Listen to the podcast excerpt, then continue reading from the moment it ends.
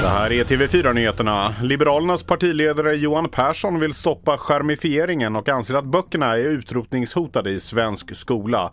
Vi hör honom här från hans tal i Almedalen.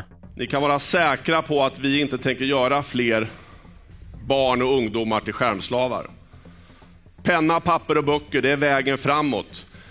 Man kan kalla det traditionellt, man kan kalla det kunskapsskola, kalla det tillbaka till framtiden eller ni får gärna bara kalla det för framtiden, men det finns där. En eh, återupprättad eh, kunskapsskola kräver inte bara ett slut på skärmhysterin. Det kräver också att vi kraftfullt förändrar i friskolesystemet. Antalet konkurser slog rekord i juni och ökade med 33 procent jämfört med samma period i fjol. Enligt statistik från kreditupplysningsföretaget Syna som Realtid rapporterar om är det framförallt företag i storstadslänen som är värst drabbade. Ökningen är som störst för små och medelstora företag inom byggsektorn och restaurangbranschen.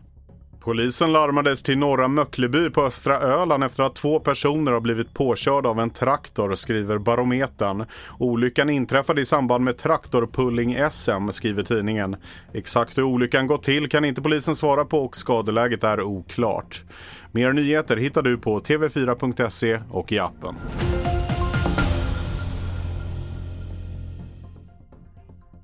Ett poddtips från Podplay.